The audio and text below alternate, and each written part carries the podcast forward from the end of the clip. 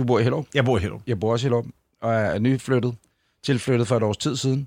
Og øh, vi blev hentet af en ven, vi har i båd. Han sejlede helt ind i bunden af Tuborg Havn, der ved det Ja, der, ja. hvad hedder det, Waves, øh, ja, lige Waterfront, præcis. ja, Ja, ja, ja. super, Ja, eller storcenteret der. Ja. Og så gik vi direkte ned, altså 50 meter, siger skriver fra vores hus, gluk, gluk, gluk, ja, eller fra matriklen, ned i, i hans båd. På en eller anden måde satte det sig i dig som en Jeg ting, synes, som det var lidt fedt. Ja, præcis. Og så var det fedt at få vind i håret, Ja, ja, ja. og vi Ja. sejlede til Wien. Ja. Spiste vi en øh, æggemad, den kostede 199 svenske. Det, det gør det i Det er vel 45 der er danske, men- men det er fucking dyrt. Gode, altså. Og, og så spiste vi et æggemad, ja. og så drak vi en bajer. Så sejlede vi over, så sad, lå vi i Vedbæk lidt. Hvorfor vi gjorde det, det ved jeg ikke. Det er også ligegyldigt. Altså, så drak vi passe. et glas vin der på båden. Ja. Os tre der, øh, Rasmus, min frue og jeg. Så sejlede vi tilbage, satte hende af, hun skulle noget. Ja. Så sejlede vi faktisk forbi, hvor vi sidder nu. Og så indad igennem Christianshavns kanal, så sejlede vi over ved den sorte diamant, lagde til der, hvor flyvefisken, de der øh, havnetaxaerne i Københavns Ja, Havn, ja, ja. har stoppested, man så må sige. Hentede Rasmus' kone, ja. sejlede, eller kæreste, og så sejlede vi øh, tilbage ind i havneinderløbet og lagde til over ved Krogs Fiskerestaurant, Ja. spiste der, og så tog jeg en taxi hjem, og så sejlede han båden over i Skudved Havn, hvor den ligger. Allerede nu har du på en eller anden måde indrømmet et kriminelt forhold på vegne af din ven der, fordi jeg kan jo tælle de genstande, han fik i løbet af dagen. Jeg kan sige, at vi drak kun tre genstande, tror jeg. det- Men det var Rasmus Nej, nej. Tandholt, Nej, så, så- det var, sådan der. Det var Rasmus Det Tandholt. var en til dig, Rasmus. For, for drukne ja. svin. Du lytter til Breinholt taler med. En podcast, hvor jeg, Anders Breinholt, taler med nogle af Danmarks største personligheder.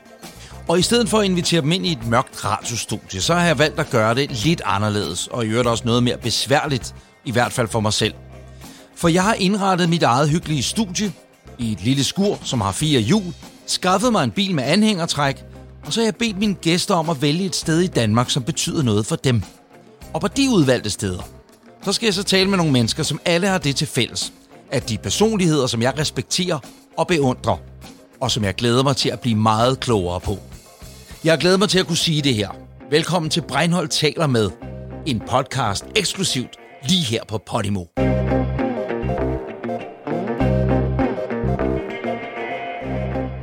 I dette afsnit af Breinholt taler med, er karavanen, det vil sige BMW'en, og studiet kørt ud på vel nok det yderste af Refshaleøen i København, som man overhovedet kan. Hvis du kender København, så vil du vide, at området, jeg taler om, er lige på den anden side af Reffen, ude ved halvandet og bungee jump kranen. Hvis du ikke er kendt i København, så kan jeg oplyse, at vi befinder os på det, der engang var den gamle BRV-grund, skibsværftet, men også en del af det tidligere Holmen. Og nu er det muligt, at jeg får Peter Olesen eller Allen Mylius Thomsen på nakken. Google dem. Øh, men der, hvor interviewet finder sted, det tilhørte Søværnet indtil 2012. Det ligger helt derude ved havneindløbet, om bag Lynetten, som er et rensningsanlæg. Der finder vi Magneten. En lille ø, om man vil. Som Søværnet brugte helt frem til 2012 som afmagnetiseringsstation. Med det formål at afmagnetisere stålskibe, inden de skulle ud i minefelter. I dag der er magneten vel sagtens de bedste lokaler, du kan lege i København. Magneten er nemlig en del af det, der hedder Teaterøen, og jeg synes, du skal tjekke det ud på teaterøen.dk. Ikke mindst også fordi, at lige om lidt er det nok for sent, fordi hvis man kender lokalplanerne for områder som disse, så er NCC eller en anden bygherre rykket ind inden for meget få år. Men her hvor vi befinder os, der er der udsigt til det meste af Indre København, byens tårne, og på den anden side lang linje, Nord- og Frihavnen og Østerbro, og naturligvis havneindløbet. Og årsagen til, at det er dette paradisiske spot, jeg har fundet, det er, at gæsten i dette afsnit er københavner, eller nærmere Østerbroer med stort ø. Men dog nu bosiddende i Hellerup. Ja, han er sådan en type, men det får vi også vendt, når vi endelig kommer i gang om et øjeblik. Jeg vil tro, at alle over 25 år, født og opvokset i Danmark, har set noget, der er skrevet fra gæstens hånd. Han er nemlig den mest succesfulde manuskriptforfatter i Danmark med serier som Anna Pil, Taxa, Nikolaj og Julie, Herrens Veje og ikke mindst Borgen på CV'et. Og når ja, så er der hele sporet med hans kærlighed til gastronomien. Han har sammen med sin storebror deres eget madprogram. Han har været madanmelder på politikken. Og så er han også ejer og lægger navn til seks restauranter. Denne gang der taler Breinholt med manuskriptforfatter, dramatiker, madanmelder, tv-vært og restauratør Adam Prise. Du er jo primært født og vokset på Østerbro. Er en Østerbro-dreng. Ja. Lige præcis. Og så har du aldrig rigtig været ude for Københavns øh, grænser. Nu ved jeg selvfølgelig, om du bor i Gentofte Kommune, men, men, Altså, det, men øh, det er ikke meget... Ef- efterfølgende, og selvfølgelig på rejser og sådan noget, men altså man må sige, det hele startede på, på Rigshospitalet, og der boede vi på det tidspunkt øh, på Trianglen, det vil mm. sige, at vi boede vel 400 meter væk fra det her. Ja. Og øh, jeg gik så i skole på øh, Nordre Frihavnsgade, altså på Ingrid Jespersen skole. Ja. Så man kan bare sige, at i de første sådan 10 år af mit liv bevægede jeg mig stort set ikke ud over 500 meter på udgangspunktet. Nej. Altså sådan var det bare. Ja. Ja, Østerbro, det var ligesom min verden. Ja. Østerbro trækker på en eller anden måde. Ikke? Så Ja. ja. er det jo nu blevet et, et sådan det der lidt sådan spæltet, øh, glutenallergiske område af København. Men bortset fra det, så er der altså øh, der er noget sandt ved Østerbro. Men ved du, jeg har også altid haft fuldstændig det samme, fordi jeg kommer ud fra et stykke, så jeg kan ikke sige, at jeg er fra, fra Østerbro, born and raised, men, men har boet stør, nu faktisk mere på Østerbro, eller en af det område, Ja. mere end jeg har boet ude i Ølstykke. Ikke? Ja. Jeg boede jeg 18 år. Man er jo selv blevet dem, som han siger, er spældagtige. Kan du følge mig? Altså, jeg, det, ja. jeg håber jeg ikke, min kone hun hører det her, men, men, men vi har alle, vores tre børn går så ned på Langlinjeskolen. Ja. Øh, Okay, ja. øh, handler ind på Østerbro. Øh, alt det der, nu er jeg så godt Ja. nok flyttet lidt længere ud af vejen, Ja. men, men du ved, alt det, man sådan kunne grine af og sige, nå, de er fint på den, øh, nu bor jeg i 2900. Ja, det kan ikke være værre. Nej, altså, nej, du ved, i forhold til, det kan være på, hvordan man Nej, anskuer nej, det, men det er jo det der repetitive forløb, hvor man langsomt skubber sig selv op af den sociale rangstige, ikke? og man ender med at blive øh, det, man hånede engang, og så er det jo bare. Altså, Og det, jeg synes, det er dejligt, du er kommet op i reservatet. Og, Tak skal du have. og så vil der jo mange, der vil sige, og det, og det må du om nogen kunne, øh, kunne svare på. Øh, der er nogen, der vil sige, at man mister lidt noget udsyn nogle gange, når man lukker sig inde blandt de samme, du ved. Øh, og nogen lukker sig jo inde i Brøndby Strand, Ja. fordi det er der, hvor de er endt, og det er det, ikke der er noget dårligt om Brøndby Strand, men du ser noget, noget socialt boligbyggeri, for det er Ja. det, de har råd til. Ja. De har måske ikke et arbejde. Livet har på mange måder været svært. Øh, Vi har været, øh, jeg, nu kender jeg dig ikke så godt, så jeg ved ikke, om dit, dit liv har været været... heldigere. Men, men jeg tænker i hvert fald, at, at vi mangler i hvert fald ikke noget, vel? nej, nej. Øh, og så har man tendens til, ja, som du sagde det selv før, man er sådan lidt rebelsk, og så råber man op imod det, og så ender man i den samme, ikke? Ja. Jeg tror bare, man må, øh, man må prøve at love sig selv, at man bliver ved med at råbe. Også selvom, at, man, øh, at der altid er meget i køleskabet. Og, øh, og, at, øh, og så vil jeg sige, jeg, jeg, jeg, jeg frekventerer måske ikke nødvendigvis kun mennesker fra Hellerup, men jeg bor der, og har boet der ufattelig lang tid. Men øh, jeg arbejder jo inde i øh, byen med en frygtelig masse mennesker, som ikke nødvendigvis kommer fra Hellerup. Jeg tror, det er, jeg tror, det er vigtigt, at man øh, ryster posen lidt, også i forhold til de mennesker, man omgås i hvert fald. Ja. Øh, så det prøver jeg da. Altså, det er i hvert fald så heldig. Nu er jeg også så heldig med, med mit arbejde, at det bringer mig i kontakt med rigtig mange meget forskellige mennesker. Mm. Øh, fordi det bliver jo meget sådan projektorienteret, så laver man en serie, eller så arbejder man på en forestilling, og så er man videre til en anden, og så er så nogle fuldstændig andre mennesker.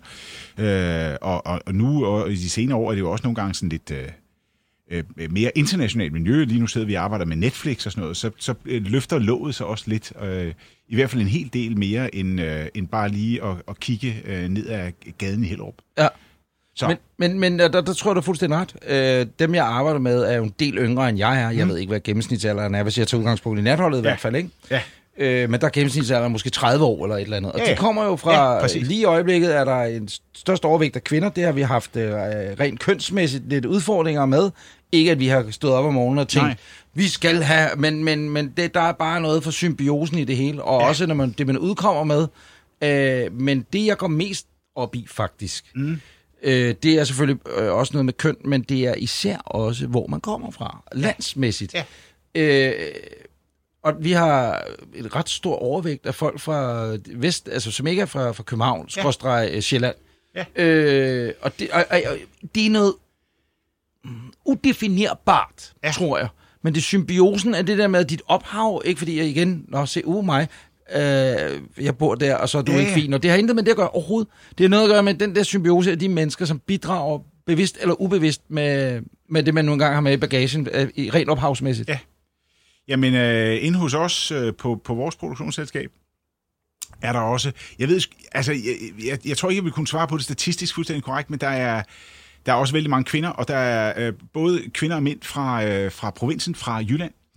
de skulle til at stole på. Jeg ved ikke helt, om dem fra Hellerup er til at stole på. Mm. Det er jeg lidt mere usikker på. Ja, det kan jeg godt følge. Jeg kan, jeg, jeg kan, godt, jeg kan godt følge. Eller også har de, så har der en, er der en federe fest, som, øh, som begynder at larme et eller andet sted i deres baghoveder. Ja, men det kan men, godt følge. Øh, så der er et eller andet med, øh, jeg tror, det, jeg tror, det er godt.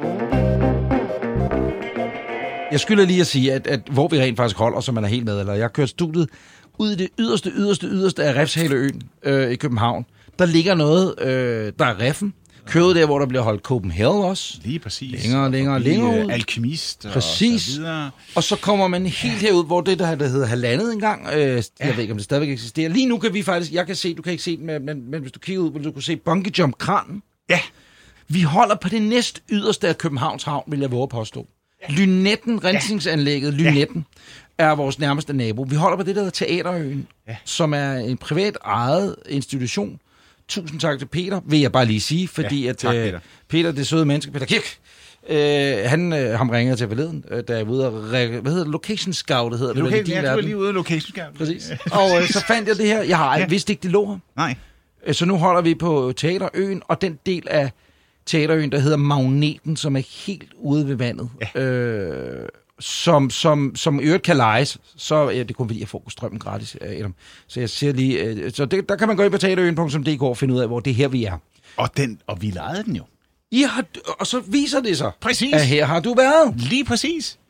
Fordi vi lavede jo Herrens Veje, en, en tv-serie, som jeg lavede for nogle år tilbage, som jeg var med til at skrive for nogle år til, siden øh, på Danmarks Radio.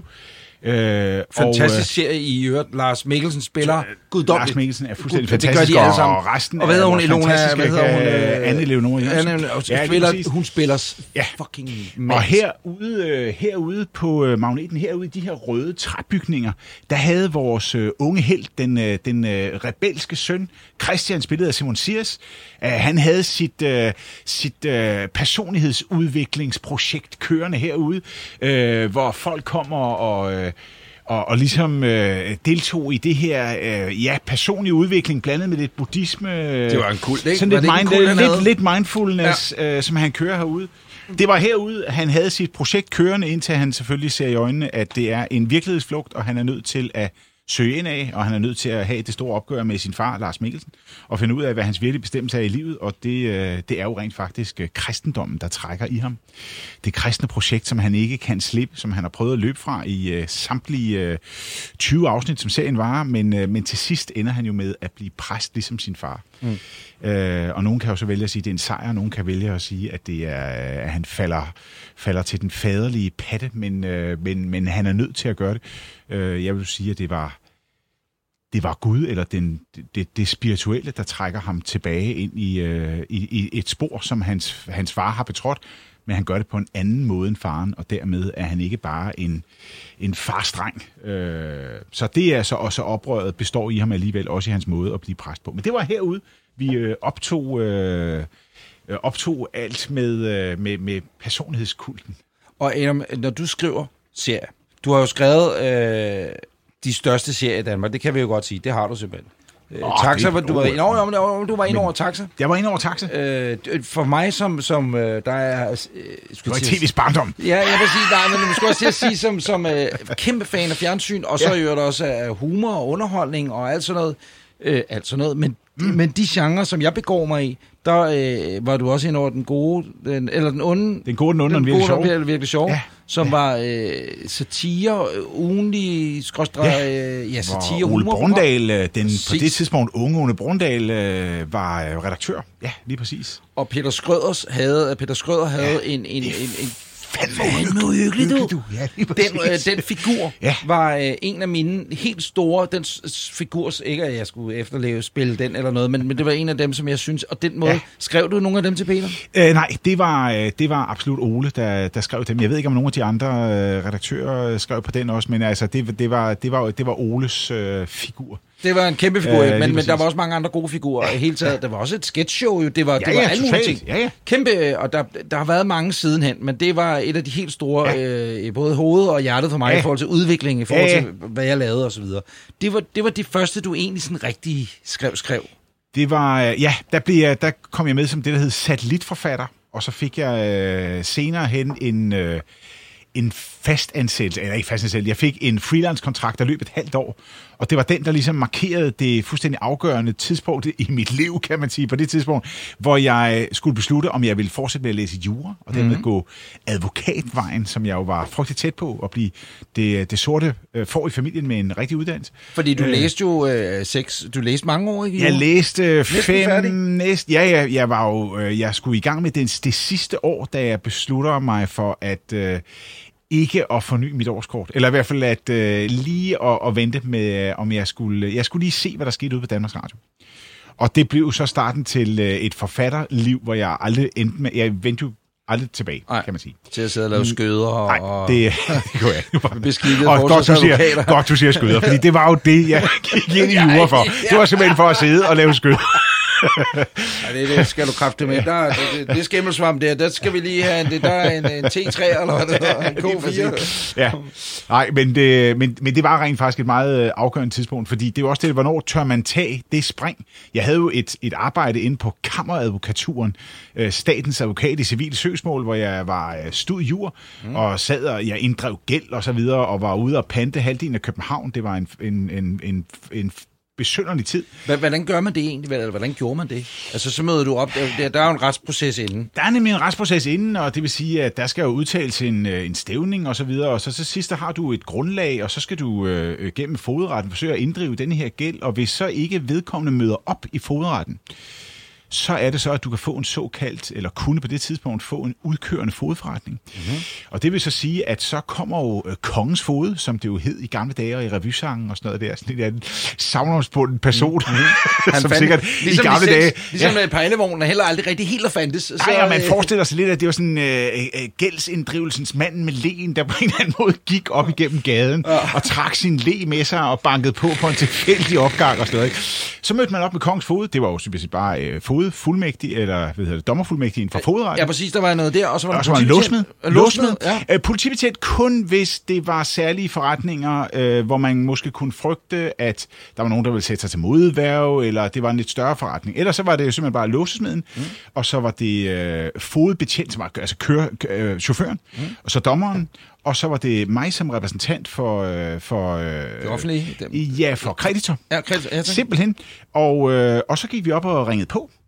Og så øh, var folk typisk ikke hjemme, for de havde fået et lille, de havde fået de et lille brev. Om, at I nok kom. Ja, og det er jo ikke fedt at lukke op, og så står der en og siger, goddag, det er kongens dag fra kvoden, og så videre. Og så, så, så man kom ind i rigtig mange tomme hjem.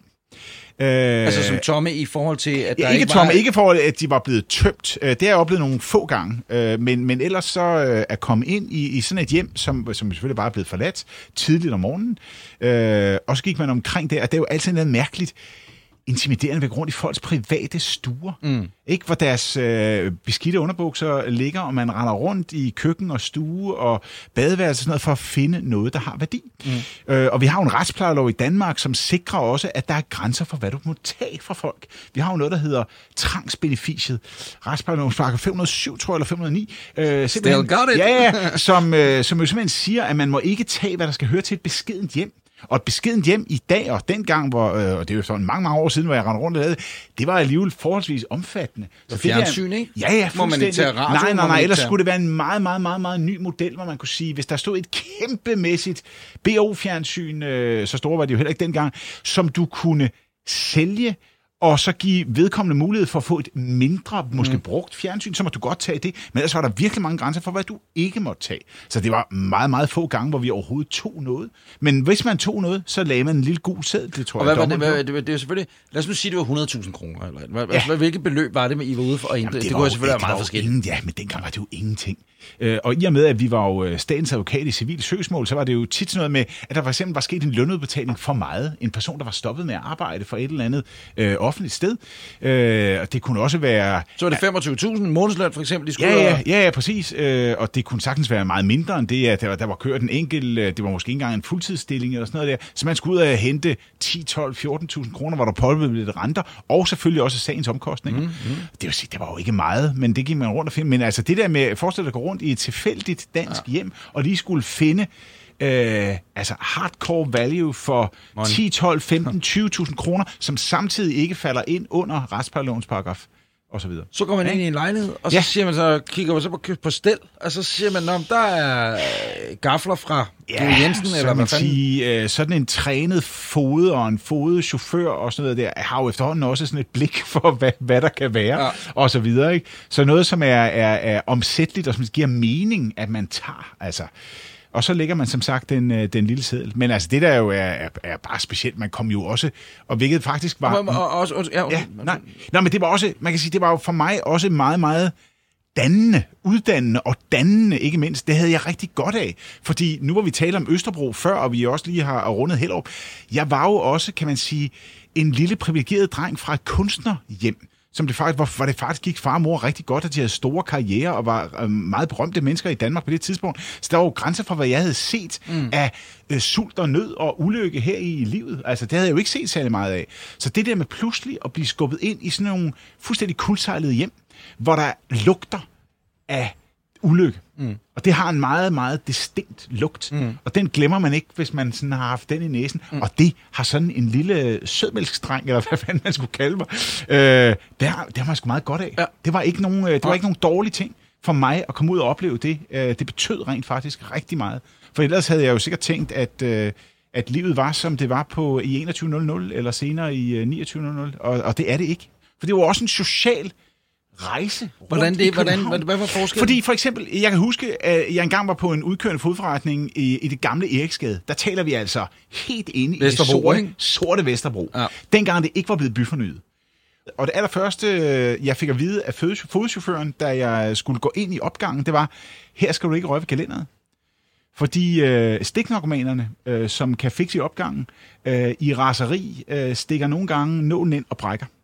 Det vil sige, øh, at hvis du kører hånden op af sådan et gelænder, så kunne du øh, ramme en afbrækket nål, som der lige var en, var en, var en og- hilsen fra, fra, fra ulykken et eller andet sted. Og så kom vi op i, en, øh, en, i den her opgang, hvor jeg passede meget på, ikke over ved gelænderet, øh, og lukkede os så ind i en, øh, en lejlighed, og den var rent faktisk blevet tømt. Og, øh, og så var der nogen på trappen, som helt tydeligt vidste, hvorfor den var blevet tømt. Og der var, øh, jeg tror, det som øh, man i god gamle dage ville kalde solidaritet. Øh, hvor folk simpelthen bare sagde, Nå, du skulle ned hos Pede, nå, ja. Der var sgu ikke noget til dig i dag, var? Det var Nå, surt. det var sgu surt for dig, du. Så må I skulle køre igen. Farvel, farvel. Og, og, og den fornemmelse havde man. Det var næsten som om, det var sådan en, øh, en, en, en, en, en gammeldansk øh, film, ikke? Ja.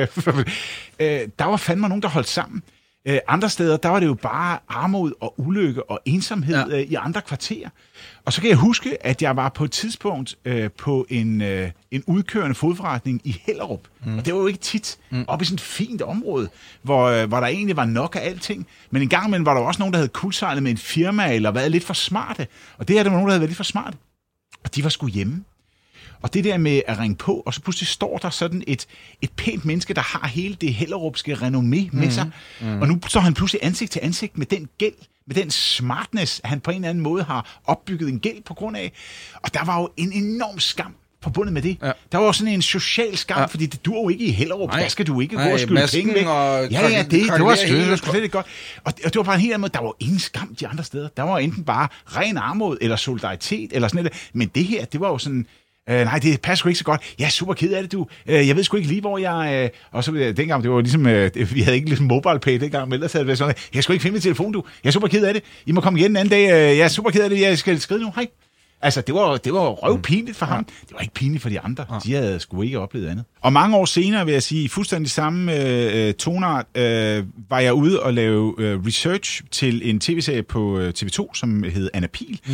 og hvor jeg fik lov til at køre med, øh, vi var en, øh, tre-fire forfatter på den, og fik lov til at køre øh, patrulje med øh, politiet fra Bellerhøj politistation. Og det er jo også i et område, altså... Ja, deres optageområde er jo alt fra det er jo fine nord, til det- Det er nordvest, og, og men vi kørte meget i nordvest, mm. og, og, øh, og, og selvfølgelig Nørrebro også.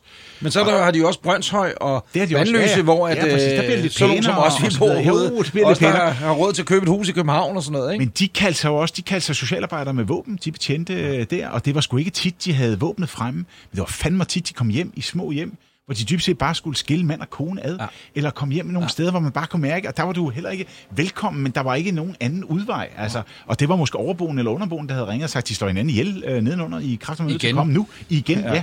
Og kom ind, og der var igen nogle gange den samme duft i de opgange, man bare tænkte, hold kæft mand, det her, øh, det er alvor, det er det, det, det, er det rigtige liv, det her. Jeg ved sgu ikke, hvor meget rigtigt liv, der nødvendigvis er ude i Hellerup, men, øh, Nej, men, men men det det er- her, det var det rigtige liv.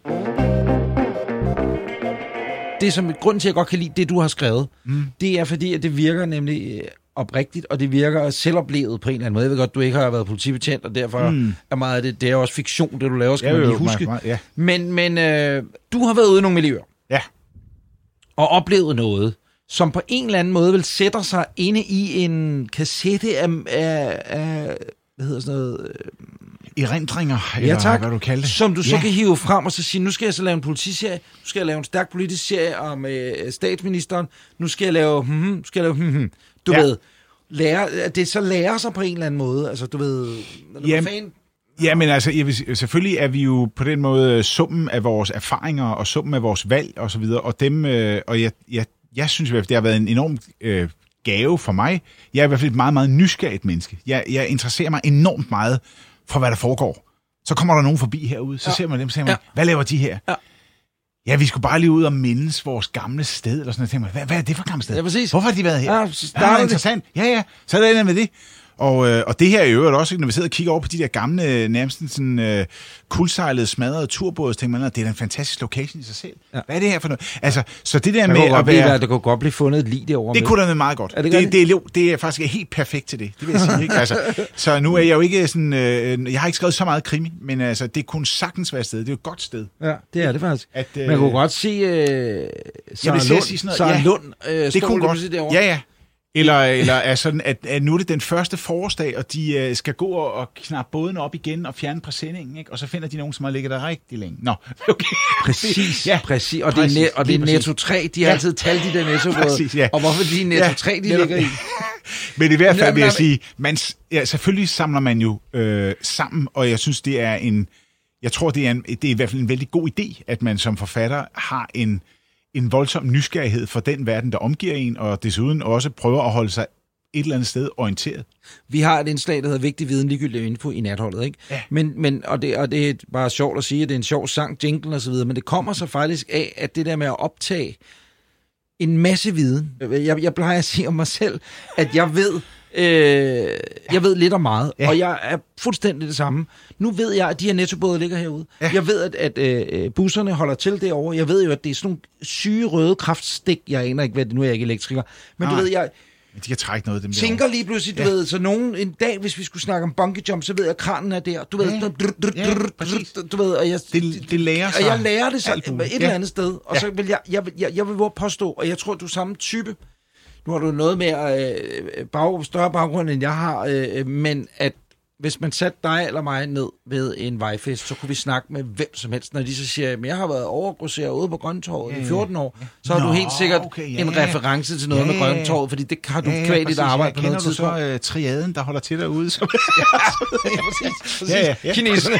Ja, ja, det, det, det, er lidt ærgerligt. Ja. Kigger du ned og ser, at han Kender mangler to fingre på højre Mr. hånd. Ling, som man tit møder ude på Copenhagen Casino. Altså. Ja. præcis. Ja, præcis. Nå, ja. Præcis. Ja. Jeg tror, det er rigtig vigtigt at, at, at suge til sig. Jeg tror, det er rigtig vigtigt at være nysgerrig. Øh, og det er klart, at det hjælper jo også en til... Altså jo, jo selvfølgelig, jo mere man har oplevet, jo mere man har været i alle mærkelige kulturer og subkulturer i København eller ude, ude i verden, jo mere præcis kan du skrive, og ellers så må du sætte dig ind i det. Mm. Fordi det, der tit er problemet, er jo, at, at hvis man ikke har sat sig ind i den verden, man skriver så ender man med at skrive det, man forestiller sig. Mm. Hvordan man, man forestiller sig, hvordan det er at, at være læge, eller man forestiller sig, hvordan det er at være faldgræder. Og så og, og det ved man jo ikke nødvendigvis. Mm. Og så ender man med at skrive kliché. Ikke? Men, altså, men fordi det er jo det, der gør en god krimi i øvrigt, eller en god Ja. serie det hele taget. Altså, Borgen er jo et godt eksempel på, at hvor man sidder og siger, det der er jo sket i virkeligheden.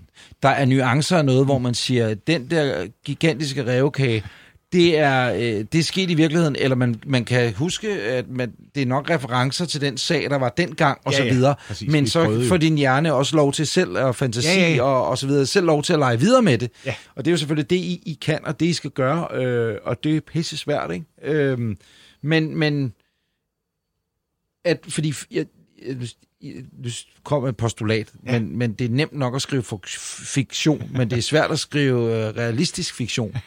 Eller hvad?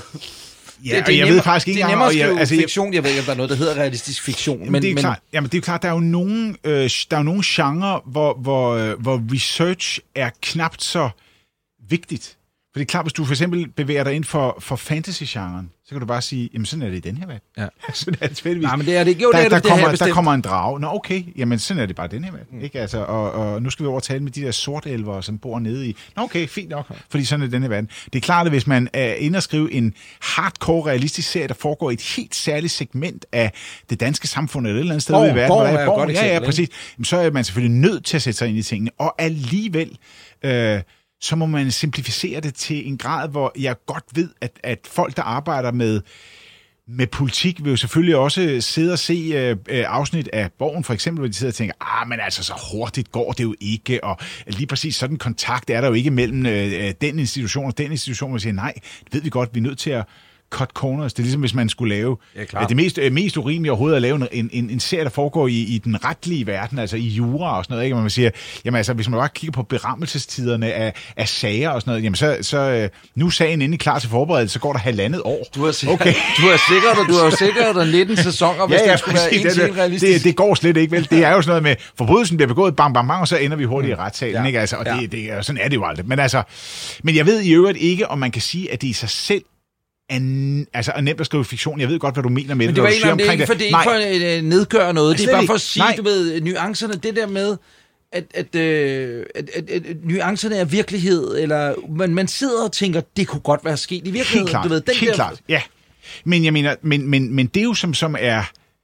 Altså, fiktion er jo i, i sin grundessens noget af det mest kunstige, man overhovedet kan forestille sig, fordi man jo i princippet har planlagt alle de her menneskers øh, emotionelle rejser og vendepunkter og flettet dem ind i hinanden på en måde, som, øh, som giver mening på et whiteboard inde i et forfatterrum, og så man ved, at der vender moren, og derfor så står hun ansigt til ansigt med livsløgnen på det der tidspunkt, og så sker der det, og så, bum, og så bliver de skilt, og så videre.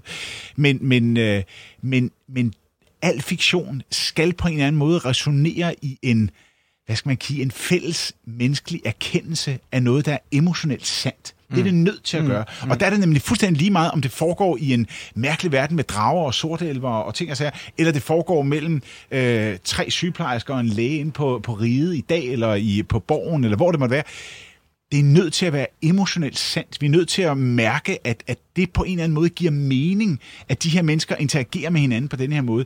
Det er ikke kliché. Man har rent faktisk tænkt deres emotionelle rejser igennem og set, hvad de er for nogle væsener. Øh, og det er man nødt til at gøre uanset hvad. Altså, øh, og, mm. og, og den sandhed, den tager noget tid at nå frem til. Det er vel også derfor, at for eksempel Borgen øh, og mange andre serier, øh, nu ved jeg også godt, at DR øh, Drama, som du udkom mange af dine serier på, mm øh, altid er i vælten, fordi at der var hele det der spil med, og så var det efter var imod, og, men især mm, Borgen, ja, ikke? Ja. Grunden til, at der også øh, nærmest hver gang, når der kom en serie, uanset om det er så dig, der er bagmand eller ej, mm. øh, at nogen hisser sig op og siger, den er ræverød, eller den er den ene eller den anden, ja. eller hvad den er. Ja, ja. Det er fordi, det er så realistisk, som det er. Så fordi jeg tænker, hvis det havde været en ren fiktionsserie om politik, der foregik ja. et eller andet sted, i verden, så var der ingen, der ville hisse op over den. Altså, du ved, øh, men det er jo fordi, at der er en, man kan genkende sig selv øh, i det. Eller man siger, at nu især når det er noget politik selvfølgelig, Nå, men det er da også klart, at hun så er socialdemokrat, eller så er hende det, eller ham, der er det var Ole Testrup's rolle, ikke? Som, jo, som dengang jo. for fred være med det dejlige menneske, øh, hvad hedder det, at, at, at øh, der var mange, der var efter, øh, ja, fordi han var en stor bunderøv, og jeg tror ikke, her vil udstille ham som en bunderøv nødvendigvis, vel? Altså, du ved... Nej, altså man kan sige, for det første, så en, en kæmpe institution som Danmarks Radio er jo også et meget, meget politisk sted i sig selv. Mm-hmm. Altså, og med en politisk bestyrelse og styring osv. Så, videre, så, videre. Ja. så der, der, den vil altid på en eller anden måde være politisk af natur. Og der vil være mange folk fra forskellige politiske øh, øh hold, som vil have en holdning til, hvad de laver.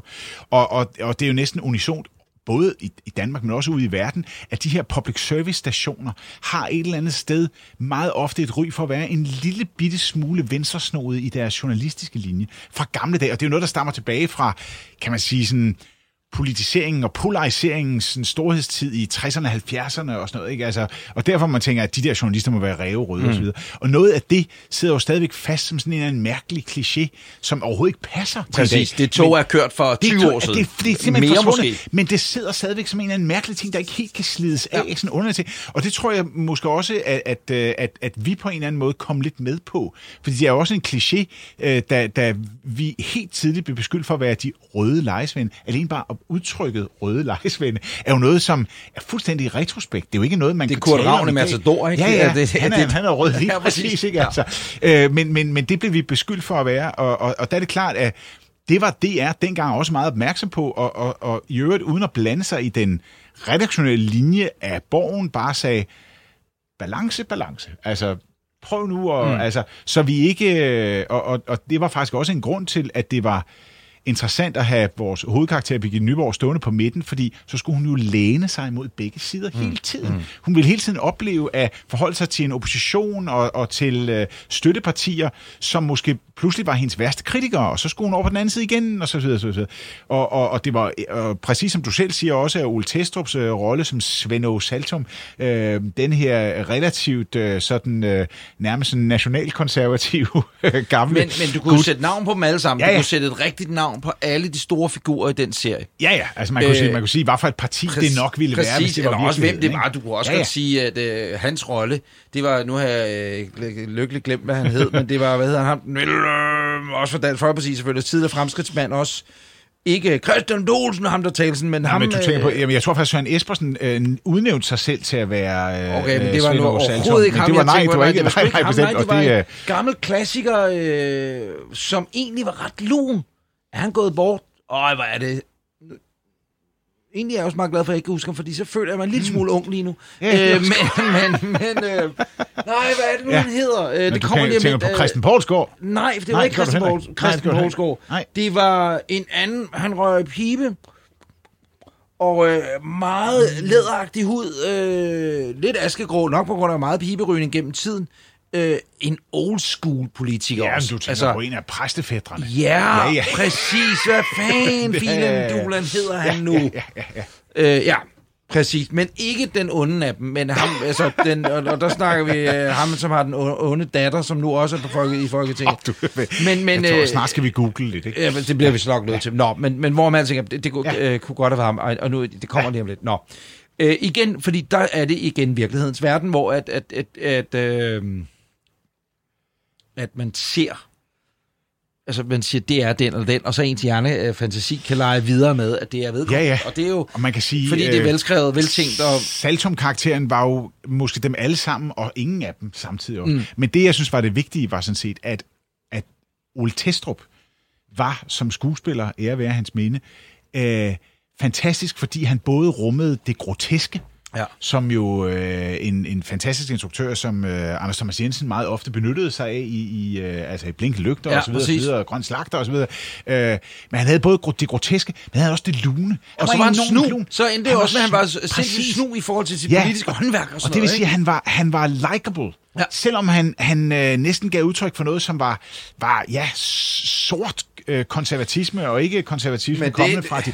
Selvom han var fuldstændig den sorte skole, så var han enormt sympatisk. Og ved du Adam, det han gav udtryk for i serien, altså ja. ikke øh, karakteren der, Ja. øh, det er, er jo, altså, øh, hvis du skal skrives i dag, er jo, altså det er jo ingenting i forhold til det, der bliver, er ikke blevet sagt siden. Nej, præcis. Er det øh, ikke rigtigt, at, husker jeg forkert, når jeg siger, at der er noget borgen på vej igen? Altså der kommer en Det er ny fuldstændig version. rigtigt, En, øh, er det en ny sæson? Er det en ny øh, Jeg sidder og version? arbejder, Hvad er det? Jeg sidder og arbejder på en, en ny fjerde sæson, som jo er sådan en revival af Borgen. Øh, Det er vel næsten...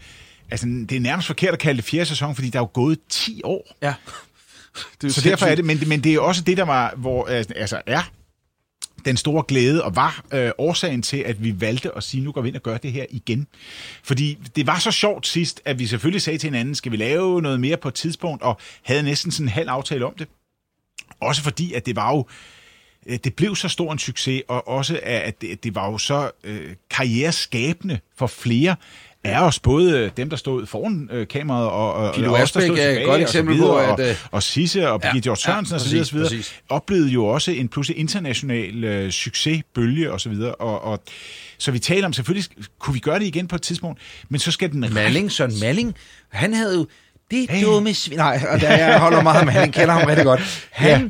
Forbrydelsen hak ved den, men så er jo også hans rolle i borgen som Ja, ja. øh, journalist, ja, ja, præcis, redaktøren der, redaktionschef, præcis, Lige præcis. præcis. Ja, ja, en presset mand, en dybt, dybt, dybt presset mand. Men, men øh, bare sige, hvis en rigtig historie dukkede op, ville vi gøre det. Det synes jeg, den er gjort, gjort, det synes jeg, den har gjort nu. Og hvad er den historie Ja, så? det må jeg jo så nok ikke sige alt for meget om, for det bliver det lidt for sagsorienteret, og lige pludselig så havde jeg siddet og sagt de fem ord, jeg ikke skulle sige.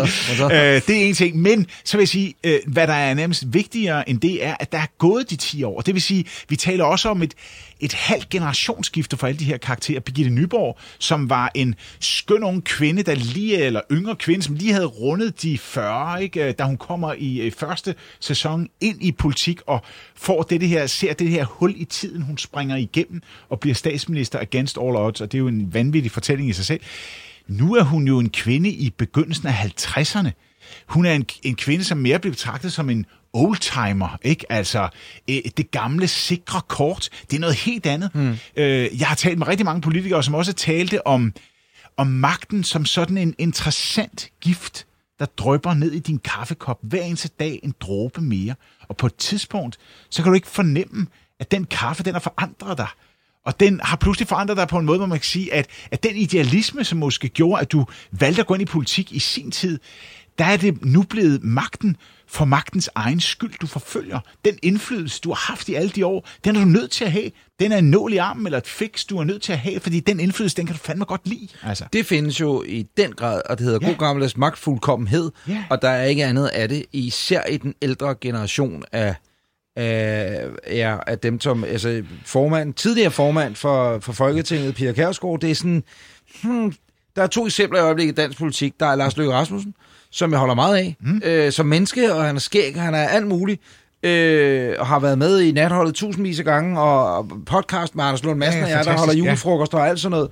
Men der skulle man nok også have lagt nøglerne og sagt, nu stopper jeg. Øh, og det er jo meget tydeligt med en ny bog og alt muligt. Alt, hvad jeg siger nu, er selvfølgelig for egen regning.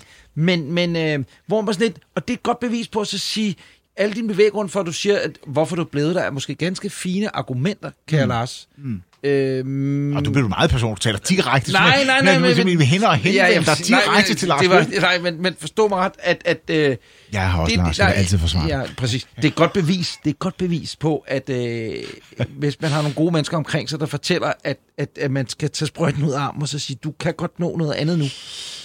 Fuldstændig. Man må i bare sige, at der er selvfølgelig mange eksempler på, også hvis man går længere tilbage i, øh, i både dansk og international politik. Lige nu er vi jo i gang med en øh, amerikansk valgkamp mellem to mænd sidst i 70'erne. Ikke? Altså, man bare sige, øh, øh, og i øvrigt er Nestorens rolle altid den, at vedkommende skal trække sig, eller kan gamle mænd jo også øh, have et eller andet at byde på.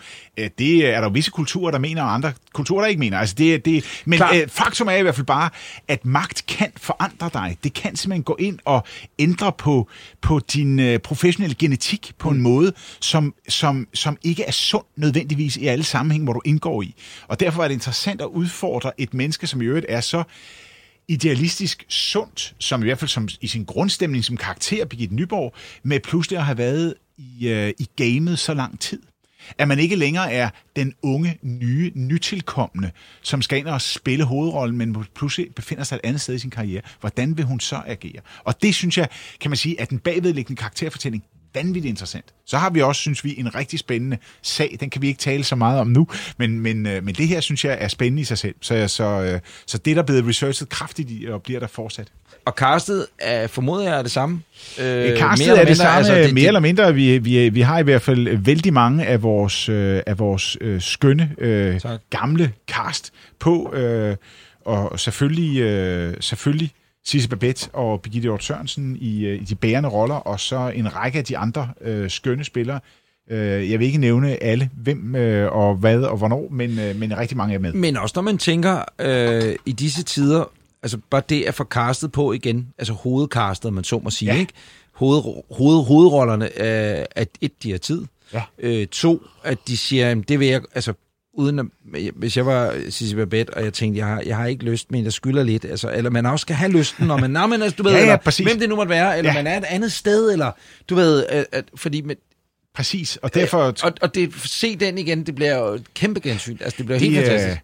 tak for også at have spændt nogle forventninger op, som vi kæmper med at få øh, op, leve op til. Men det skal, vi skal nok gøre vores bedste. Jeg synes, vi har en rigtig god historie, og, øh, og vi har vores fantastiske cast, og, øh, og derudover er det jo også interessant, at hvad man måske ikke så som en oplagt mulighed for ja, bare fem eller ti år siden fuldstændig udelukket, så er det jo nu et samarbejde mellem Danmarks Radio og Netflix, Præcis. som gør det her muligt. Øh, fordi det er Netflix, der har pengene, øh, formoder jeg, ikke? Det kunne man sige. Ja, præcis. øh, nej, det ved jeg, der var øh, dem, som er med til at betale min løn i ny af TV2, at øh, der har jo også været Ritter blandt andet, hvor at man har været med til at øh, fonde en Præcis. sæson eller to der. Præcis. Og øh, det kan godt være, at TV2 ikke selv har haft pengene, men så har de gjort så det. er jo bare en fed måde at øh, være med til Ja, at ja, og fonde. det tænker jeg da også, at vi skal være stolte over, at vi har, vi har lavet et eller andet, som en, øh, som, som en, en, en stor amerikansk øh, streamingtjeneste Men- synes er så fantastisk, at de vil rent faktisk Ja, øh, finansiere Klar, det. Der, det vi, nu er vi enige om, og vi er enige om, vi er enige om, at øh, I laver nok ikke kun sæson 4, I laver også en 5. Altså, jeg tænker, at Det sætte vil hele jeg så- apparatet, skriveapparatet, alt i gang, over. for at kunne skal lave jeg- en det, er, sæson. det, det er der ikke, jeg vil sige, det er, det er der ikke nogen eksisterende planer om. Jeg, jeg sidder i hvert fald bare og arbejder øh, med, med fuld kraft på at få skrevet øh, denne her fjerde eller nye sæson, tror jeg bare, vi skal kalde den. Ja. Øh, og hvad der så måtte ske øh, efterfølgende, det ved jeg ikke. Og Netflix, meget apropos, du laver også serier til Netflix, ikke? som ikke er Borgen. Ja, eller jeg, er det jeg- HBO, jeg, eller er det jeg, BBC? jeg, Hvad er det, du... Jeg sidder lige nu, og, og, eller har lige lagt sidste hånd på anden sæson af vores øh, serie på Netflix, der hedder Ragnarok, mm. som er øh, en, en serie, der jo er norsk originalsproget, øh, men igen, som, som alt på Netflix, ude i 190 lande. ikke? Netflix er jo, går jeg ud fra, altså jeg, det samme, jeg tænker øh, i forhold til det, jeg laver, altså så længe man har gode idéer, så længe man selv synes, man har gode idéer i hvert fald, og de er gode nok til nogle andre, der gider at ud, ja. udgive lortet, ikke? Ja. eller være platform for det, så jo flere platform, der kan komme, øh, velkommer man, fordi at, øh, og det der med det traditionelle, så skal det udkomme der og der. De, de verdener er slut, om man så kan lide YouTube i denne her uge, og i næste uge kan man godt lide dem, og ikke lide dem, og så videre. Ikke? Øh, musikerne kan ikke lide dem i øjeblikket, men Nej, jeg godt kan forstå, Ja, og ja, så fremdeles. Men, men øh, at Netflix findes, af, hvad det ikke har gjort, og i øvrigt også HBO selvfølgelig, Ja, ja, øh, Ja. og til dels også nu Viaplay og TV2 Play, og hvad de hedder. Altså, som, det, det, er hele den verden gør jo også, at du har et job om 10. Det havde du nok også i forvejen, men forstår mig ret af. Ja, men det vil jeg da at, håbe, at, har. øh, at der er bare flere steder, man kan gå hen nu med sit, med sit indhold, men det, det er fucking ja. Ja. privilegerende tider, vi lever i. Ja, Som- Jamen, det er som- det. Det som- er tv-seriens gyldne periode, Ja, det, det er det, altså. og det skal man bare knive sig i armen og være glad og taknemmelig for, at man har fået lov til at opleve. Jamen, var en del af det. Var det fandme mig ikke.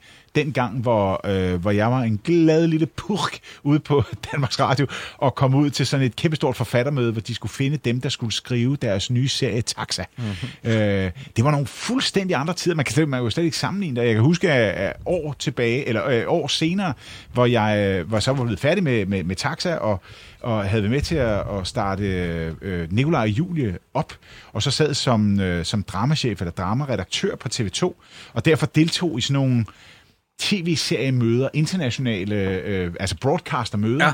ja. jamen der sad man jo også, øh, alle os fra, fra små øh, gudsforladte lande, øh, på, med hver vores øh, lille tv-station i ryggen, og en, en gang imellem så så man så øh, BBC komme ind i rummet, og, og man sad og pegede dem ud og sagde, der går BBC. altså, og havde sådan en fornemmelse af, tænk, hvis man engang kunne få et samarbejde op med dem. Og det var mest bare sådan, at de var jo søde og rare, måske også en eneste arrogante, og, sådan, og Ja, var sådan, men I think you, you, the need, you need us more than we need you. So let's say we'll call you. Og det var sådan lidt en indstilling, hvor man bare siger, sådan er det jo ikke. Sådan er det ikke. I dag er det jo fuldstændig enestående tider, at hvis man får en idé, som er, er international, jamen så kan man jo ringe til dem. Man kan- Papirhuset. Øh, en af de, Det de helt mest sete ja. serier i verden, PT. Ja, ja. Spansk. Altså, Spansk jeg havde sgu aldrig troet, at jeg Nej. skulle øh, høvle mig igennem med en spansksproget serie på den måde der. Præcis, og det er jo fantastisk, at det rent faktisk er sådan, at øh, og man kan tale med, med Netflix, som er ude i 190 lande, man kan tale med øh, HBO, og de tager rent faktisk telefonen, altså. Det gør de så nok, når eller Prise ringer. Hvis Ah, øh, nej, Anders nej, Breinholt nej, ringer nej. og siger, jeg har en pisse sjov idé til øh, Men- men- en men- ugenlig øh, 25 minutters øh, ting. Er den ikke fed? De har ikke ringet. Nej, de har ikke ringet Nej, til. men De har ikke ringet så, til, men du forstår, så, så, jeg så ringer du til din ven Tobias Lillehold Præcis, først. så eller- siger jeg, Tobias, gider du ikke? Ja, lige præcis. præcis, så så kan det være.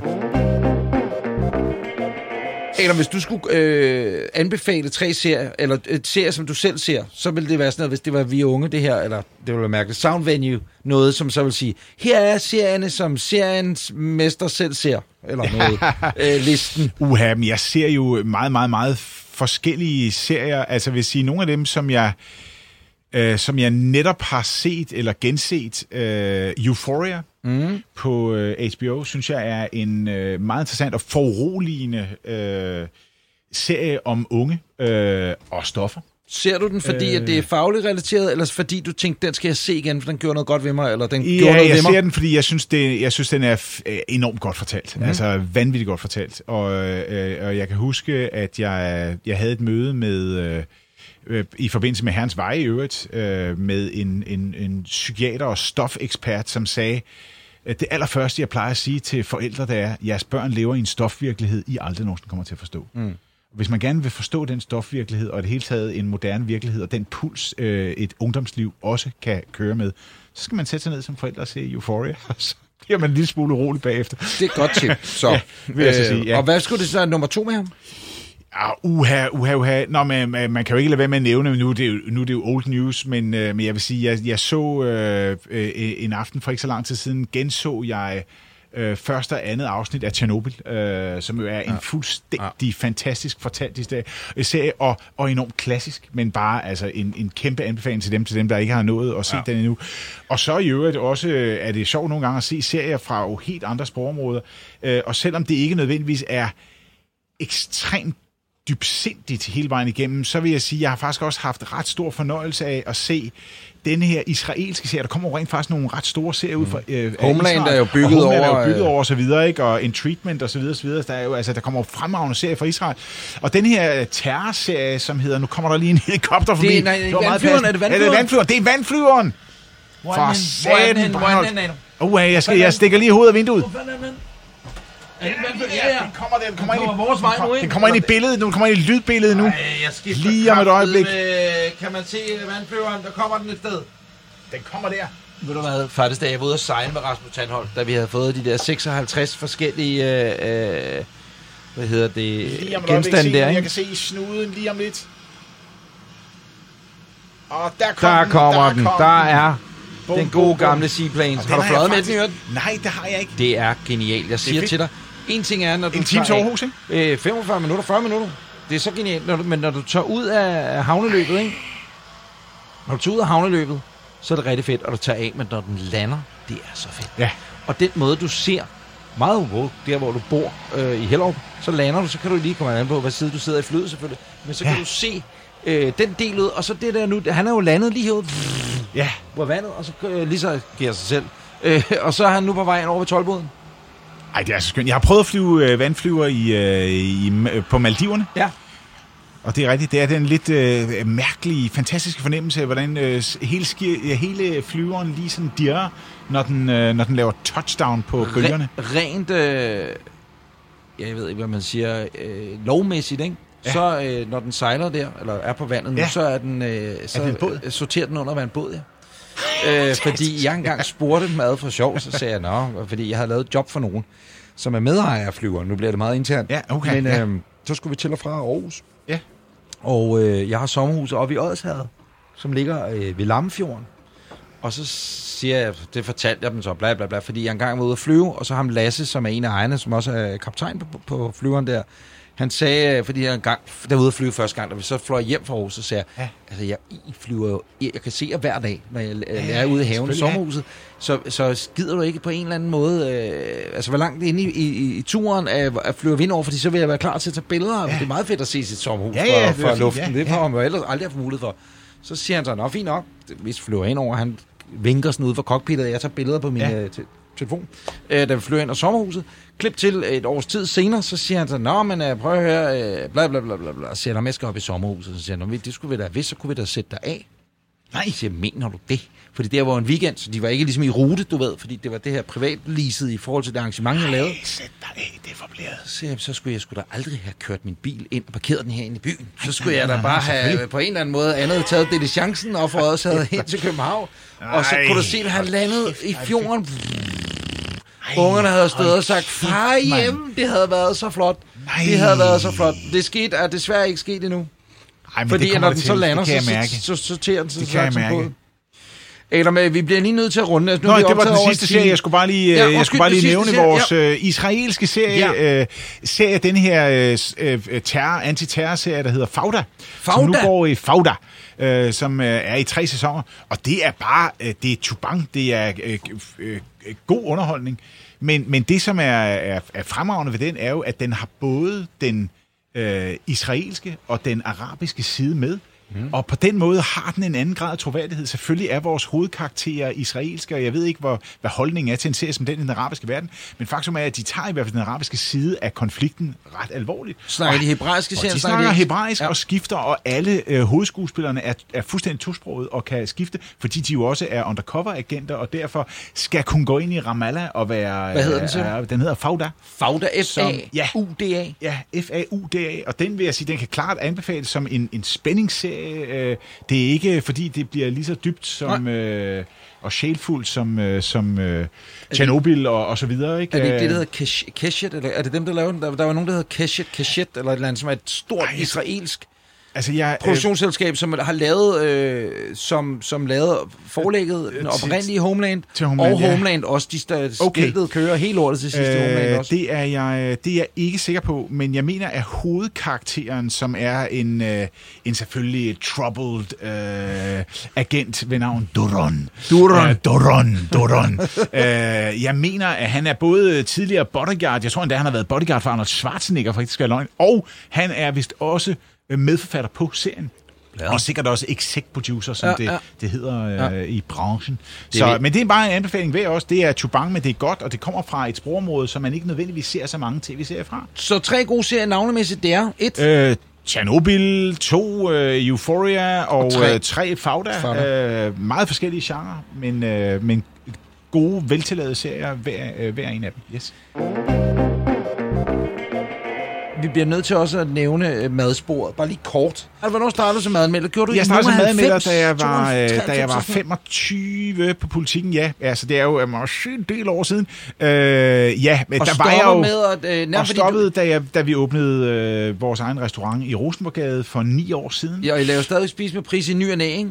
Vi laver stadig spisen på fuldstændig fast, som vi hele tiden har gjort hver eneste øh, øh, år en sæson. Og vi har jo lige lavet vores sæson 12 af spisen på prise, og er i gang med at forberede sæson 13. Det er sindssygt. Fuldstændig vanvittigt. Ja, det er, det er, det, er vi, flot. det havde vi aldrig nogensinde, og, og sæson 12 har været en af de øh, mest sete. Det kan så også skyldes, at øh, folk har været tvunget indenfor, så de tænkte, der er sgu kun de der to øh, tykke brødre i tv, men så lad os se dem. Men det skal da til gengæld så være en anden god ting også øh, ved at udkomme øh, igen, som, som øh, vi hver især gør øh, på både nye og gamle platforme. Det er, at øh, når folk der er nød i verden, så går de altså tilbage til de gamle kendte. Ja. Radioslytningen ja. er eksploderet, og Ja, ja. tv-seningen er eksploderet. Ja. Og vi var så glade for bare øh, helt ydmygt vores lille dumme øh, fjernsynsprogram, at vi var det første, der kom tilbage på TV2, sådan at de faste programmer, fordi og vores tal Ja, ja, steg og alt muligt, fordi det vildt, var, det var, folk havde det sådan, Det er det. Det vil de gerne se, at det er noget, de kendte eller et eller andet. Og Jeg ved ikke, om jeg overfortolker øh, det, men det var sådan, nej, det, det, de kan godt ja, lide det, der er de en kender. tryghed Ja, ja, i det, og nu øh, ligger jo også på DR's site samtlige 12 sæsoner, øh, som jeg også har indtryk af, at der er nogen, der har klikket ind og set øh, altså 10 år gamle programmer, øh, hvor der bare bliver smeltet rigtig meget smørpisk, rigtig meget mayonnaise. fandme Men det sjovt. er, men det er, det er sindssygt hyggeligt. Og, øh, Hvor meget har I med restaurantimperiet at gøre egentlig? jamen, det har vi jo meget med at gøre, kan man sige. Øh, Vi står ikke i køkkenet og laver mad, vel? Det, nej, det gør vi ikke, men man kan sige... Skal man øh, lægge en nej, ordentlig fordi- tjek, for at, øh, for at det, det brødrene selv, det der vil står også, og det laver vil, øh, sovsen, det vil, ikke? øh, jo, og vores øh, skønne køkkenchef øh, Pierre inde i, øh, i Rosenborgade, han vil, øh, han vil sgu nok øh, stege bøffen endnu bedre. Men, øh, men under alle omstændigheder, vi, øh, det, det blev jo fordi, at, at Spisen Prise pludselig ble- blev en, en succes, der kom voldsomt bag på os. Vi var ude og holde rigtig mange foredrag, folk spurgte os, kan man ikke smage den her mad et eller andet sted? Og så havde vi jo en gammel familiedrøm, som faktisk vores forældre var de første bærere af, nemlig at have en restaurant. Det er jo en romantisk drøm for mange mennesker, ja, ja. som har et eller andet forhold til, til gastronomi. Øh, øh, og så øh, min, min gamle ven øh, Mads Bøtger, som øh, ejer Dragsom Slot, øh, vi vil aldrig nogensinde have turet uden ham og, og hans direktør Claus Fribo. At overhovedet gå ind i restaurationsbranchen, fordi øh, James og jeg, i modsætning måske til vores forældre, som heldigvis blev stoppet af en god ven, som sagde, det skal I lade være med. Hør det nu, I skal lade være med Stop, det. I ender i skifteret. Altså, øh, men, men, øh, Ja, så men, står jeg søn og gør... øh, Præcis, og så skulle jeg ud og passe mine forældre. Tænk, hvordan det havde været. Anders, for helvede. Ja, det havde været pinligt, ikke? Eller oppe bakke, det havde været Præcis. Vi havde heldigvis været inhabil. Nå, men i hvert fald, øh, så, så, så var det jo kun fordi, at, at jeg havde øh, min, min gamle ven Mads, øh, øh, som ligesom sagde, jamen, så kan vi jo lave en eller anden form for for konstruktion, hvor I kan stå for indholdssiden, og vi kan stå for det finansielle og det driftsmæssige, sådan at vi kan få lov til med, med, med Danske Banks ord at gøre det, vi er bedst til, mm. øh, hver især. Øh, fordi det havde ikke været godt, hvis James og jeg skulle sidde og holde styr på øh, køkkenprocenter og Nej. lønprocenter og tjenerprocenter og hvad man ved. Det skal vi ikke, Men men, vi I- skal lave mad, vi skal stå for stil, stemning, atmosfære, indhold, fortællingen i de restauranter. Øh, Adam, det har været en fornøjelse, og jeg, jeg, jeg, Så jeg, hyggeligt. jeg vil sindssygt gerne have snakket om madanmeldelser og sådan noget, men det må vi gøre en anden dag. Jamen, det gør vi bare en anden dag. Kan vi gøre det i en, en Ja, ja, ja, version for 2 en dag? Jamen, det kan vi da. Vi kan jo også tage en tur i din nye båd øh, med det der særligt store pantry, du nu skal have. Ja, Ikke? og så laver du mad, så fanger vi fisk. Det skal være lagt Kan du få noget fisk? Jeg elsker fisk. Jeg fiskede meget og var faktisk med i en fiskeklub, da jeg var helt ung. The Specimen Hunters. Uh. Et lidt, øh, måske sådan lidt oppustet navn, vil jeg sige, fordi det var ikke mange specimen på den måde, vi fik. Men altså, sådan lidt op over ting. Du går på jagt også, du er Jeg går på jagt, jeg er ja. meget glad for at jage. Ja. Så du er naturens glade søn. Jeg er naturens munter søn, når jeg, ja, og det er øh, måske også fordi, at man kan sige, når man sidder og laver sådan noget film og tv, man sidder jo og prøver at tænke store tanker, og man sidder med kæmpe lange planer, som strækker sig år frem, hvor man ved nærmest, hvad man skal en torsdag i uge 32 om to år, for der skal den der version af manus ligge klar osv. Så, så er der et eller andet fuldstændig fantastisk i at lave noget, der er så håndgribeligt, så konkret som at lave mad, for eksempel. Det er, at du har en begyndelse, en midt og en slutning, som rent faktisk finder sted på en pande mm. og en tallerken inden for en times tid. Ja, en timing. Du skal være færdig. Fuldkommen. Du ved, der vil familien godt. Og du, Fugleungerne, de vil godt have der præcis, mad i noget mad, eller du ja. går ud i naturen, og du ser et dyr, og du prøver at pyrse dig ind på det, og måske er du heldig, og måske er du ikke heldig, men, men det er konkret, og det er her og nu på en anden måde end, end øh, planer og store tanker og, og teorier om det ene og det andet. Det er enormt vigtigt. Så for mig giver det virkelig en, en sammenhæng, en meditativ sammenhæng, som, øh, som jeg har brug for, når man, når man har det andet også. Adam, hvad skal du nu? Nu skal cykler du ind. Det er fredag eftermiddag. Hvor, hvor skal du? Skal du hjem nu? Skal Jamen, du... jeg skal hjem, og øh, jeg har øh, lykkeligvis besøg af min datter i den her tid, så jeg skal formentlig hjem og lave et øh, vegansk måltid til hende. Fordi hun spiser ikke kød. Det gør hun ikke. Og, øh, og på den måde øh, presser hun jo også øh, sin far ind i de nye tider. Har du allerede købt ind til det? Øh, nej, det har jeg faktisk ikke. Øh, Jeg skal, jeg skal lige se, hvor vi er ude i dag. Er vi ude i en vegan curry, eller, øh, eller skal jeg prøve at sådan lege mig lidt i en nordisk retning på en eller anden måde? Men jeg synes jo i øvrigt, som det bør gælde for, for al mad, at man skal prøve at tage det, som er lige nu. Man skal tage det, der er i sæson lige nu, for det er jo det, der er mest interessant. Så jeg vil sige, øh, hvis det er lige nu, så skal man jo kigge sig om efter nogle majs, mm. efter nogle kantereller, mm. øh, måske efter noget kål. Mm. Øh, så, så det vil nok være sådan i det land, jeg Ja. vil kigge. Jeg elsker at gå ud og spise, ikke? Og Jeg elsker at gå ud og spise god mad. Ja. Øh, Jeg bruger alt for mange penge på det og så videre. Men, Godt. men så den dag, Godt, at godt. dine øh, nye venner fra Foden, de står der, eller dem, der er fra Foden i dag, så kan jeg sige, jamen ved du hvad, så har jeg øh, gået godt og glad i seng Ja, ja, mange, præcis. og så må jeg sidde ude i Vester og tænke over alt det mad, jeg har fået, ikke? Det er det, jeg vil overleve på i, i den dag. jeg Gældsfængslet er jo i øvrigt afskaffet. Ja, du kan jo være, du kan jo rolig. Præcis. Hvorom alting er, så vil jeg øh, helt klart... Øh, det, det, vi, den madtid, vi går lidt i møde nu, ikke? Ja. det er jo sådan nogle som jer, der er kokkeagtige, I, I, I elsker, fordi nu, nu bliver det snart rødfrugter, og det bliver mørkt, det bliver vildt og sådan noget. Ja. Ja. Alt det, jeg hader. Jeg hader... Ej, nu- nu- Okay, ja. jeg ikke er så vild med, for det Ja. passer ikke, jeg hader det. Nej, nej. Men, Men tungt alt muligt. Jeg elsker forår, sommer ja. og sensommer, som Ja. ja. du siger. Alt det, du lige nævnte nu her også, elsker jeg alt vel. Men når vi er om et par måneder fremme, og de sidder og siger, bare er- kødet skal lige passe på, for der er nok lidt havl i. Øh, åh, det er den sæson, jeg ikke rigtig er vild med. Nej, nej, okay. Fordi at, øh, det der med, når det er grønt, rødt, farver i maden. Åh, jeg elsker det. Jeg elsker mad, der er grøn og rød og hvid og blå. Men og, der vil jeg bare du sige, ved- at du kan jo også tilberede vildt på nogle måder, som er fuldstændig anderledes, hvis man forestiller sig, at noget, der har ligget og skamkogt i 6 timer sammen med nogle gamle selleriknolde og sådan noget der. Så behøver du ikke at Jeg ved lave. Tag dog et nystykke, et nyskydt stykke øh, råvildt, eller kronvildt, eller dobbelt, hvad det nu måtte være. Øh, lav en carpaccio af det, med, øh, med, med fuldstændig friske grønne urter og ting, jeg sagde på, det kan du lave hele tiden. Så pludselig får du øh, et pust ind af al den friskhed og noget råt, ja. som, øh, som du elsker ved foråret og sommeren. Så det der, gælder det bare, om man, at man ligesom tager lidt af den filosofi med ind i vinterkøkkenet. Ellen Pris, det var en kæmpe fornøjelse. Stor fornøjelse. Tak fordi du gad være med. Tak fordi jeg måtte. Nu er øh, vandflyveren faktisk på vej tilbage. Ja, så den- så egentlig kan vi igen. bare lige nå at se den komme ud øh, Ej, om et stort. øjeblik. Altså, jeg kan bare Det kan høre være, at den du kan larmer. nå at blive... at Det sjove ved det er, at det er jo helt mærkeligt. Du bor i Hellerup nu. Du har sommerhus i Odsherred. Mm. Det er jo fuldstændig identisk. Det kan være, at vi lever parallelle liv. Det er jeg bor engang- også i Hellerup. Jeg har sommerhus i Odsherred. Det, er det, kan være, at vi kan blive sat af Og i vores jeg, sommerhus. øh, ej, hvor vildt det være, hvor vildt det være smukt. Men nu ja. Kommer vandflyveren. Adam Prise, Se den nu. den, kan kan du se den? Han kommer nu. Jeg kan høre den. Der er jo kun plads til, jeg tror, det er 17-18 mennesker. Ej, det er, ja, det er kraftedeme flot. nice. Det jeg er fandme nødt flot. at- jeg- Og jeg elsker det der, du fortæller, at den skifter status om lidt. Lige nu er det et skib, Lige nu er det et skib. og så om et øjeblik, så er det fandme en flyver. Præcis. Det er altså ikke dumt. Det var en mærkelig udgang på programmet, men det blev det. det blev det.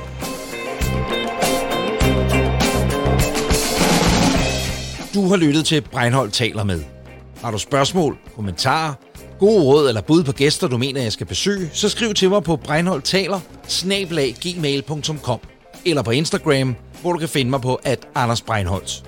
Breinholt taler med er kommet til verden sammen med tilrettelægger og klipper Kasper Vester, kendingsmusik og jingler ved Thomas Troelsen og Mads Nørgaard.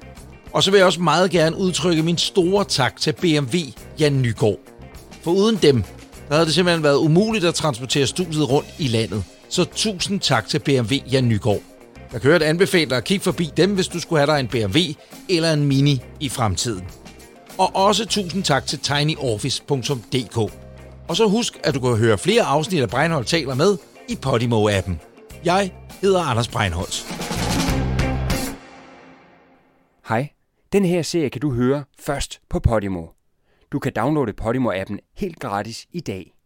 Tjek podimo.dk og lyt til Breinholt taler med og en håndplukket række af serier. Det er først på Podimo. Der er link i show notes.